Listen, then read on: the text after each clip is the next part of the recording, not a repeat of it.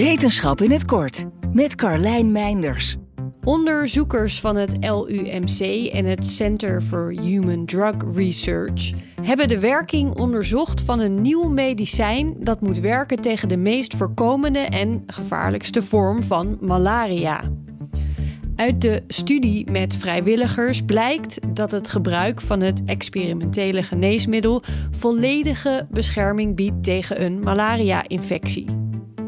De deelnemers werden eerst geïnfecteerd met malaria-parasieten en kregen vervolgens een dosis van het nieuwe middel toegediend na twee uur of na vier dagen. Dit soort infectiestudies worden vaker uitgevoerd en vinden plaats in een gecontroleerde omgeving binnen het Controlled Human Infection Center, een onderdeel van het LUMC. Malaria-parasieten worden steeds meer resistent voor de huidige malaria-medicijnen. Dit is wereldwijd een groot probleem. Het is zaak dat er snel nieuwe geneesmiddelen worden ontwikkeld om de ziekte te voorkomen en te kunnen blijven behandelen. Onderzoekers uit Leiden werkten daarom samen met een Duits bedrijf aan dit nieuwe onderzoeksmiddel, dat tijdens het onderzoek een nog betere werking bleek te hebben dan gedacht.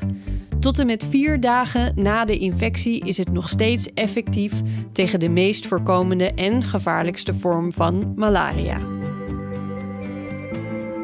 Wil je elke dag een wetenschapsnieuwtje? Abonneer je dan op Wetenschap vandaag. Spotify is partner van Wetenschap vandaag.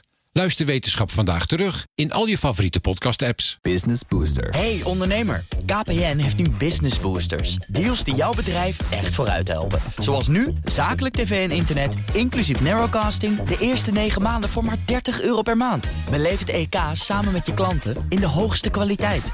Kijk op kpn.com businessbooster. Business Booster.